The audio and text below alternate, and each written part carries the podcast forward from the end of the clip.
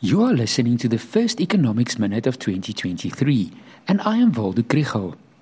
In January, much is usually said about the prospects for the new year, and the economic outlook looks bleak.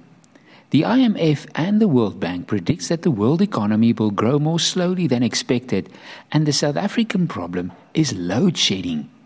The reasons given for the slower growth are the war in Ukraine and high prices and high interest rates. As a result of the war, the international supply of crude oil, agricultural commodities such as wheat and sunflowers, and other things like fertilizer is smaller and prices remain high. Around the world, last year's supply shocks have now had second round effects. The sharp rise in energy prices that increased the cost of producers throughout supply chains and will affect consumers for some time to come. High inflation rates keep interest rates high, and that dampens consumer spending even further.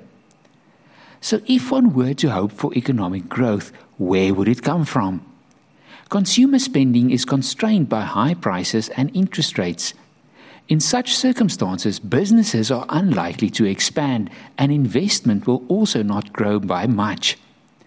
Government finances are under pressure from the big spending of the COVID pandemic era. Prospects do not look good, but there are some places to look for bright spots. There is the great hope that the Chinese economy can do better now that they have abandoned their strict COVID policy and the lockdowns. That will help our exporters. There are also market participants who think that the US inflation rate will come under control sooner, and then they will not need to raise interest rates much further. This will help stock markets and our exchange rate, and ultimately will make it possible to lower interest rates in South Africa. Stay tuned this week for more on load shedding, policy uncertainty, inflation expectations, and the latest economic indicators. The NW Business School is the main sponsor of the Economics Minute.